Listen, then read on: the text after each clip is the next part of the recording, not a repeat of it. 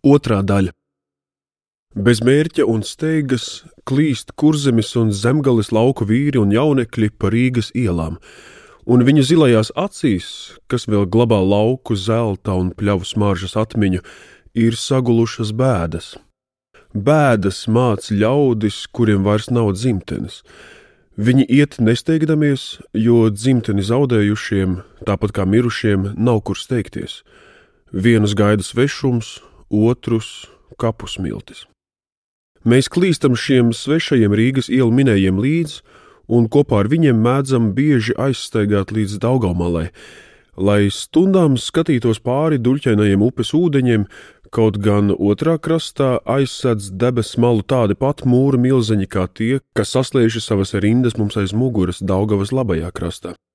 Mēs skatāmies Torņa kalna namos, Āgenskalna dārzos, un mums liekas, ka vējš, nākdams pāri upei no kurzemes puses, nes sev līdzi zemgales druvu žūžu un lielupes līču pļaus veicienus. Mēs skatāmies uz dzimtenes pusi tik ilgi, līdz debesis sāk degt saulrieta ugunīs un sarkani liesmo Daugavas labā krasta namu logi. Tad mēs lēni ejam prom, un iegriezdamies vecrīgas šaurajās ielās, vēl apstājamies, lai vēl reizi pamestu skatu uz to pusi, kur mūsu dzimtene deg saulrietu un kara ugunīs. Mēs ejam atpakaļ cauri liepotu bulvāru lokam, priekšā un aiz mums dimt pelēku gājēju soļi, kurus padarījusi smagus bēdu nasta un zudušās zemgales auglīgā māla atcere, un gājēju acis meklēdamas vēro ielas, pēta pretīmnācēju sejas un mēmi vaicā ceļu, kas vestu uz dzimteni atpakaļ.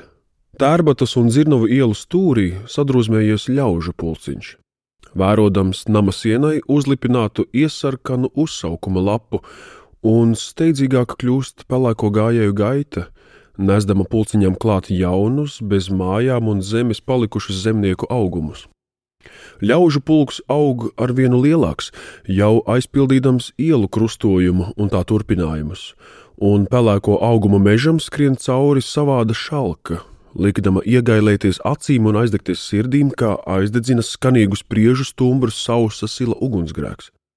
Šalka kļūst skaļa un dimdoša, un skrien uz četrām debesu pusēm, kā trauksmes zvana zvanīšana nakts melnumā, Viņa atdzīvina pagurušos, apskaidro bēdu nomāktās sejas, kuras ārdējuši kurzemes lauku vēji, un liek blāzmot pilsētas strādnieku jaunekļu vaigiem, kas zem acīm un deniņos vēl glabā ogļu putekļu šņīpas kā evakuēto fabriku atstāto piemiņu. Pilsētas ielu stūros deg uzsaukumi, mēsdami tautā aicinājumu uz tautas karu, un viņu liesmainās balsis kliedz no namu sienām. Pēc 700 gadiem no jauna veidojas tautas liktenis. Tagad vai nekad aicinājumu balsis laužas dvēselēs, klauvē pie sirdīm, un viņu radītā atbalsts pelēkajos zemnieku plūdos atgādina jūras bangojuma dimdēšanu. Jūs vidzemnieki un latgalieši, kas drosmīgi vēl izkapti cilājāt, un jūs, kurzemnieki, kam arkli jau atstāti rūsē tēva tīrumos, apmainiet izkaptis un arklus pret karavīru zobenu, jo vairāk mēs esam zaudējuši, jo vairāk mums jāatgūst. Latviju dēli, atcaucieties, dzimtene jūs sauc! Jūs, kas minat bēgļu tekas, apstājieties! Dzimtene jūs sauc! Atbalsts bangošana ceļ kājās veco naidu, kas mantots no sentāvu paudzēm un modina cīņas alku, kas gruzdējusi zem gadsimtu pelniem. Tā grūst zemdegu uguns kūdras laukos, lēni sadedzinādama saknes purva priedēm un purva bērziem, līdz aizsniegtas silamala, liesmas atkal šaujas augšup un krāgdamas lec gar koku stumbriem un auļo pa viņu zariem meža ugunsgrēks. Dzimtene sauc. Tēvs klusi saka: Beidzis lasīt nama sienai uzlīmēto uzsaukuma lapu, virs kuras mirdz logu ugunis. Mēs ejam mājup, un šovakar es dzirdu tēva soļos agrāko vingrot cieto dimdēšanu, ko bija nomācis bēdu smagums un atstāto druvu zemes svars. Dzimtene sauc, viņš atkārto. Pacēlis galvu un degošām acīm vērodams piena ceļu, pa kuru aizstaigā mūžībā dzīvojo ilgas un mirušo dvēseles. Tēva acis baisi kvēlo zem kuplajām uzacīm, kurās jau sabirusi sirmuma sārma, bet seja tam cieta, un gaita atkal vingra kā sendienās. Ar karu mums atņem mājas, un karā mēs tās atgūsim atpakaļ, viņš saka. Un es manu, ka šovakar tam radies cerības atbalsts, un kļuvusi vieglāka sirds. Tā dēls tak bija tur sacīts par pazaudētā atgūšanu, vai ne? Viņš noprasa. Ielas krēslībā pagriezdams pret mani seju, kurā liesmo redzokļu ugunis. Jo vairāk mēs esam zaudējuši, jo vairāk mums jāatgūst. Es klusi atkārtoju uzsaukuma vārdus, kas vēl ar vienu deg man dvēselē. Cieti un vingri atkal dun tēva soļu uz trotuāra, un klausoties viņu ritmiskajā dimdēšanā, es jūtu, ka manas asins ķēdes sāk skanēt tēva soļu dunoņai līdzi. Ar asiņu zvaniem sāk sasaukties naida balsis, nākdamas augšup no sirds dziļumiem, kur nerimstas sāpju smeldze. Aci pret aci, saka naida balss, atkārtodama bez stājas, un asins ķēdes riņķodamas dzīslās skan ritmiskajai tēva soļu dimdēšanai līdzi. Brīvprātīgo pieņemšanas birojā mani sākumā grib noraidīt, jo zēniem, kas vēl skolas gados, esot vajadzīga vecāku atļauja. Tad man aiz muguras skarbi nodārta tēva balss, sacīdama, ka dēls ar viņa ziņu nācis šurp, un raksvedis pieraksta manu vārdu. Tagad nāk tēva kārta. Raksvedis pētošām acīm apskata viņa grumbaino kalsno seju, iesirmās ūsas, skatiem kavēdamies pie tēva galvas, kas nesen vēl bija gandrīz melna, bet tagad atgādina ievziedu baltumu, un tad īsi nosaka, ka Jūs, tēvots, esat par vecu. Nākošais tēvam saspurojas garās ūsas, noraustās vaigs un atbīdījis sānis jauno puisi, kas gribēja steigties tam garām, uzsviež uz galda savu nodriskāto karaklausības apliecību, nerunā muļķības, skriva Jaunskungs. Daudz tādu vīru kā tu esmu savā laikā līdzis zem šautenes. Apskati pa priekšu manus papīrus, un tad sāc runāt vai labāk padot kādam citam, kam par kara lietām lielāka saprašana. Rakstvedis pietvīkst un ceļas kājās, taisīdamies rāties, bet vārdi apstājas uz lūpām, redzot, cik bāla un draudoša kļuvusi tēva seja. Viņš aiziet pie virsnieka, kas novietojies aiz atsevišķa galda patālākā pieņemšanas telpu kaktā, un sāk tam kaut ko stāstīt, aizvainoti raustīdams plecus un pamestams ar galvu uz mūsu pusi. Virsnieks nāk mums klāt, un tēva kalsnais augums izstiepjas taisns kā vaļā laista atspere. Virsnieks smīdēdams paņem rokās saplīsušo tēva apliecību, sāk viņu apskatīt, un tad tam izgaist no sejas smīns Keksholmas pulka seržants, 17 godāgas par šaušanu, gvardijas korpusa komandiera pateicība, 15 gadi virsdienesta. Pierakstīt, leitnants īsi nosaka, nomestams rakstvedim priekšā tēva papīrus. 60 gadi priekš virsdienesta seržanta vēl nav tik liels vecums, ka tieši gadu dēļ tam nevarētu atkal dot rokā šauteni. Tēvam atplaukst vaigi, un leitnants prom iedams vēl piemetina, kadru mums tikpat kā nav. Visi vēl zaļi lauku un fabriku zēni, un sākoties apmācībām, būs zelta vērts ik katrs vecs karavīrs. Mēs ejam prom, laizdami acis pār brīvprātīgo rindām, un tām nav saskatāms gals. Tur ir pusauģi, kas pavasarī vēl sēdējuši uz skolas sola. Viņu acīs dzikstīja pārgalvība un plūkšanās prieks, Tie droši vien atnākuši bez tēva un mātes ziņas, un nezina, ka biroja darbinieki tos dzīs mājās. Skolas zēniem blakus stāv pusmūža vīri, platiem pleciem un pelēku svārku sektām mugurām, kas kļuvušas jau mazliet līkas, gadu no gada liecoties pār arkla balstu un liekot izkaptīt šņākt labības laukā. Viņu vaipstus rūdījusi lauku saule, nopūtuši visu debesmalu vēji, staigādami pa kurzemes klājumiem. Prieka mirdzums šo vīru acīs nav saskatāms, toties cieša apņemšanās un griba, kas tikpat cieta kā viņa platās, tulznu vīlēm piešķīkotās plaukstas.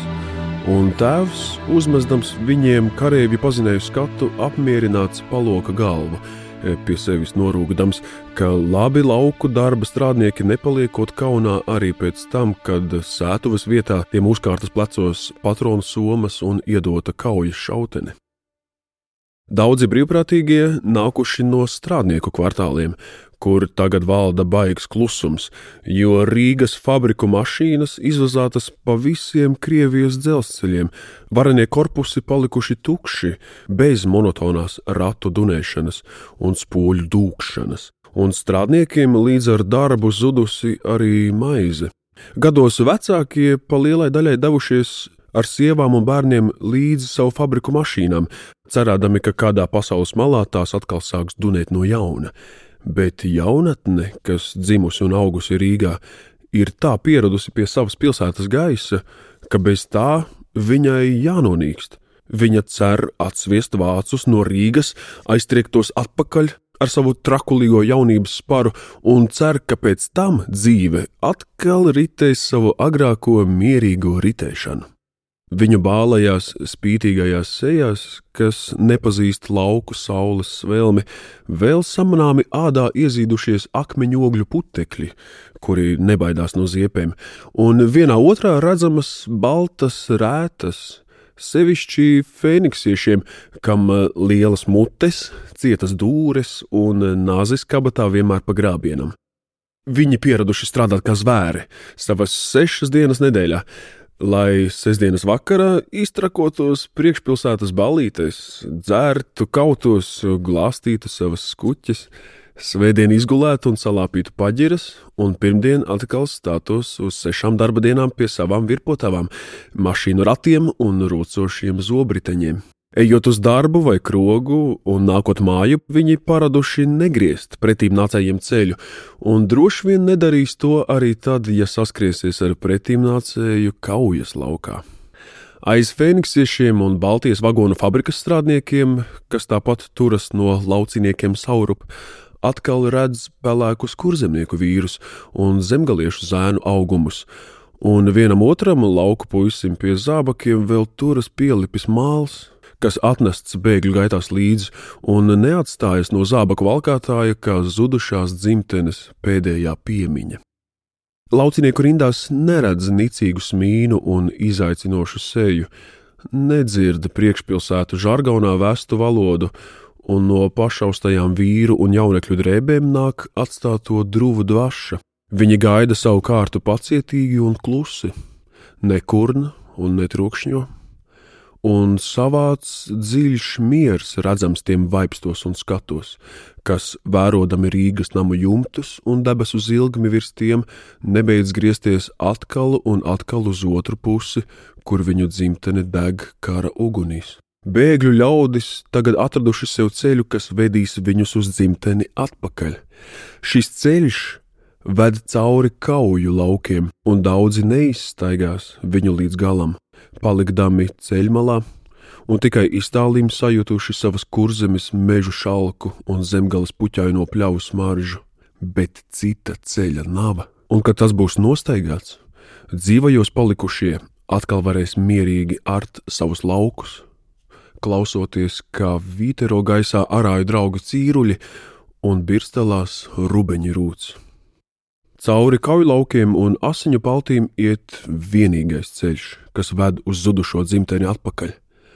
Un bez mājām un zemes palikušie zemnieku vīri un jaunekļi taisās sākt staigāt šo ceļu, un kur zemes kalpu jaunekļi un vīri iet viņiem līdzi. Kaut gan tiem nav ne māju, ne zemes, jo viņu tēvi grūta mūža galā iemantojuši tikai tās sešas pēdas, ko dzimtene neliedz nevienam. Kurzeme ir šo kalpu jauno dienu un pirmo sapņu zeme, un viņu kājas pazītu lielākajā nakts melnumā viņas mālus, to sajūsdamas zem sevis pēc visu pasaules malu pārsteigāšanas. Viņi tic un zina, ka nekur citur nav tik gaiša un tik silta saule kā tā, kas lec virs sēļu siliem un nogrimst jūrā aiz miglainajiem kuršu klājumiem. Zem šīs saules aiztecējuši viņa mūža gadi, un atmiņas, kā neredzamas ķēdes, ir piekalušas viņus pie jauno dienu zemes un velk pie tās atpakaļ, cauri kauju laukiem, asins paltīm un lielgabalu balsīm, kas gaidīdamas jaunus karotājus sasaucas pie slokas, pie lielupes un iecavas krastu silos.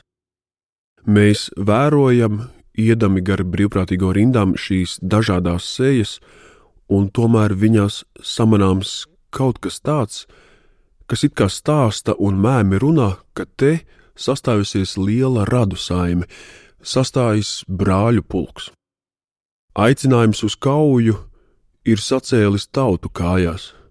Tagad sāksies tautas karš. Aicinājumam atsaukušās viņas asiņu balsis, un sasaugdamās lielajā saskaņā tās radījušas atbalsi arī tautas kareivju sejās, palielinādamas un atsvaidzinādamas to ārējo līdzību, kas saskatāma tādu cilvēku vaipstos, kam kopēja valoda un kopēja dzimtene. Mēs ejam uz Daugaumalu, lai kāptu milgrāvja kuģīšos, kas šodien mūs aizvizinās uz apmācības vietu, un Rīga nāk šalgdama un dunēdama mums līdzi.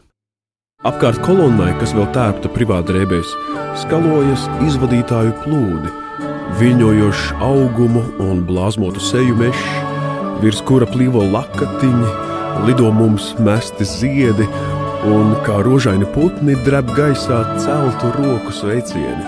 No trotuāriem skrien mums klāt meitenes un jaunas sievas, mirdzošām acīm un puķu pilnām rokām, rotā mūsu rozēm un sarkanām neļķiem un asteru vainagiem, Viņas mauc mums tos galvā sprauž sarkanus un baltus ziedus svārku atlokos, aiz cepuru siksnām un platmaļu lentām, un no puķiem birst mums sejās vēsās ūdens lāses un rotātāju raudātās asaras.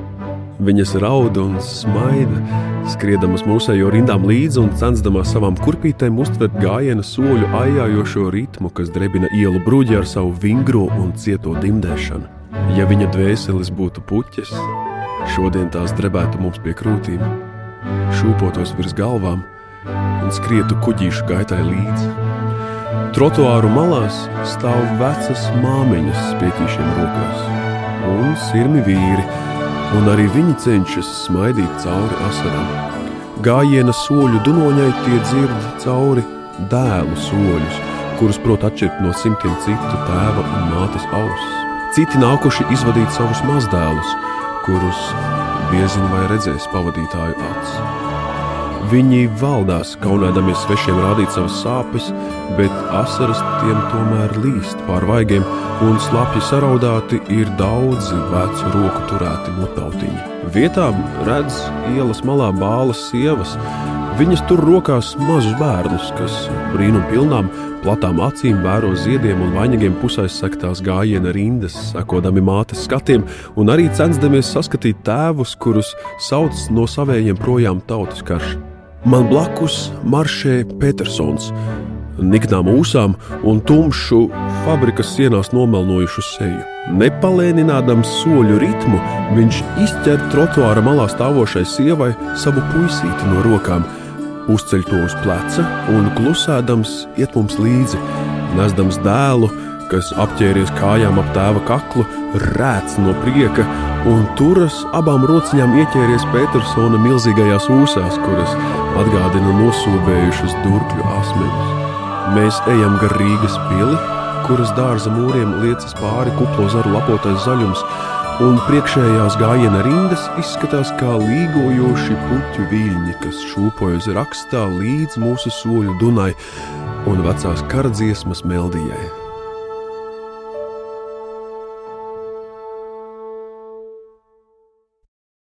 Pašai pirmajai rindai blakus soļo tēvs, vingri nesdams savu kalsno augumu un cieti spērdams kājas uz dimdošajiem bruģa akmeņiem.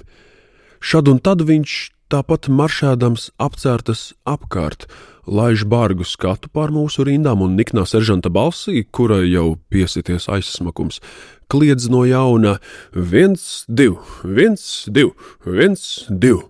Viņa acis tik draudošas un balss tik skarba, ka kareivji rotām dziest, smaidi sejās un apraujas gaita, acīm sastopoties ar tēva skatienu. Līdz pašam pils mūrim viņš aizmaršējis nepušķots, un tikai pie mūra stūra kāda meitene gimnāzistes svārciņos tam pieskrien no muguras klāt un uzmet galvā ozolapu vainagu. Tas apņem tēva drūmo pieri kā zaļš meža ķēniņa kronis, un skuķei iebēgot pavadītāju jūklī atpakaļ, es redzu, ka uz mirkli sagurst tēva pleci, un uz krūtīm noliecas galva, kārdama lejup ozolapu vainagu. Viņš ir atcerējies zāļu vakarus mūsu sētā, kad saime nāca līgodama kronēt viņu un māti zaļiem Jāņa zāļu vainagiem. Tad viņš nopurina savu vecā kareivi galvu, ko tagad apņēmis varoņu koka lapu loks saslienas taisns un vingrs, aizdzīdams projām bijušā atceri, un atkal kļūdams instruktors no galvas līdz kājām, kā sendienās, vingri maršē kolonnas pirmajai rindai blakus. Sirms, bet gadu un bēdu nastas nesaliekts, un komandē skaļā, nikni rācošā balsī, kā gadiem ilgi radis komandēt mācības laukumu klajos un sava pulka kazārmu pagalmos. Labo plecu uz priekšu, maršī taisni! Viens, divi, viens, divi, viens, divi. Daugamalā tēvs aptur mūsu kolonnu un ļauj stāvēt brīvi, jo vēl nav pienākuši pie krasta mūsu kuģīši. Rindas pajūg, jo ap nākamajiem strēlniekiem sabrūk pavadītāju muģeklis ar jaunām puķiem, vēl neatdotiem sveicieniem, mīļiem vārdiem un uzvaras vēlējumiem.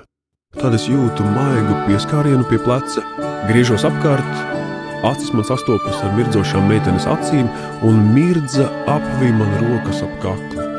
Aizmirsusi pavadītāju baru un draugu klātbūtni. Viņa skūpsta manas lūpas un vaigus, kas paliek mikli no manas meitenes raudātām asarām, raud un smaida, un iesprāž svārku atlokā mirtes zaru, no kura nāk skumju smarža un iesitas sejā savāds, sirdi un galvu mulsinošs aromāts. Šis zariņš ir no manas mirtes, mirdze tikko sadzirdama saka, un apjukusi pieglauž galvu man pie krūtīm, drabošām lūpām vāri glāstīdama sīkās zarņa lapas, kas tagad zaļo virs manas sirds. Viņa skatās manī asarainām un reizē smaidošām acīm, un viņas sirdsbalss runā lūpām klusējot, un nedzirdami saka, ka līdz ar zaļā zariņa skumjo smaržu man ies līdzi meitenes pirmā mīla, un dāvādama savu mirti, viņa atdod tai līdzi savu dvēseli. Mans sirds sažņaudzas saldās sāpēs, kā jūtot lielas laimes tuvumu un reizē baiļojoties viņu pazaudēt. Es sāku skūpstīt meitenes pirkstiņus, kas staigā man pa seju, maigi pājādami vaigus, silti, dreboši un rožaini, glāstu lūpām viņas acis, kurās blāzmo sāpju smaids, bet skropstās mirdz asaras. Mana mute velti grib runāt mīlas vārdus, kuru pārpilna kļūsi nabaga zēna sirds. Mežonīgs biklums un kautrības pašlepnums liek mēlēji klusēt, aizņauts kaklu un stindzina rīkles muskuļus. Tikai ievaimanājoties jau pienākušo tvaikonīšu svilpēm un gaisā nodārdot tēva komandai, kas liek mums atkal stāties rindās, es paspēju izdabūt pār lūpām sen seno banālos zvērestu, ko miljoni jau teikuši un miljoni runās vēl. Es mīlēšu tevi līdz mūža galam, gaidīšu tevi pārnākam dvešs meitenes drabošā mute pēdējo reizi pieskardamās manējai. Un tad mūs atrauj vienu no otra sakustējies cilvēku mežs, atšķir pavadītāju bangas plūsdamas atpakaļ brīvprātīgiem, atkal slēdzoties rindās. Atkal skan komanda, un osmalas bruģis no jauna sāk dunēt zem rakstā celtām tūkstots kājām. Un tad bruģa vietā jau dimd zem mums tvaikonīšu uzvalkamie tiltiņi.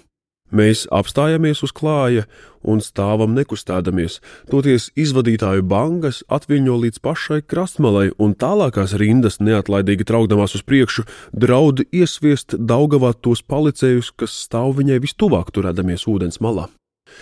Cilvēku bangojumā pazudusi manas meitenes saraudātā sēņa. Atsevišķus vaipstus vairs nevar saskatīt, redz tikai tūkstošiem acu. Mutautiņi plīvo gaisā kā baltu baložu pulks un dzird viļņu balsīm līdzīgu šalkšanu, un tad izvadītāju plūdiem skrien pāri savāda vēja pūsma. Raudama no cepures, un krasmalā policējiem galvas top kailas, tāpat kā mums. Stāvēdami uz tvaikonīšu klājiem un pamazām attālinādamies no krasta, starp kuru un mums arvien plašāk plešas sakultie Daugavas ūdeņi, mēs dziedam Dievs, svētī Latviju, un Daugavas krasti, kurus apstājuši ļaužu bari, dzied mums līdzi. Dziesma šalts un skan, un balss, atsizdamās mūros un torņos, steidzas mums pakaļ, viļņo virs ūdeņiem, drēb gaisā un skrien mums līdzi. Skrien līdz ar pavadītāju cerībām, mīļo sveicieniem un tuvo un tālo ilgām. Citi tic, ka mēs atrausim vaļā vārtus uz dzimteni tiem, kam tās zuda, un citi atkal sagaida, ka mūsu pārsteigātos kauju laukos sāks ataust rīta blāzma, kurai jānāk pēc tautas likteņnakts.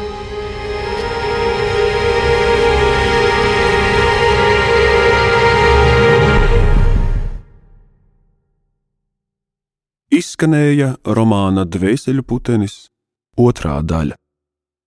Fragmentus atlasīja Dzintars Drēbergs, mūzikas autore Lolita Ritmanis, skaņu režisors Ivo Tauriņš, producente Māra Eglīte, lasīja Raimons Celms.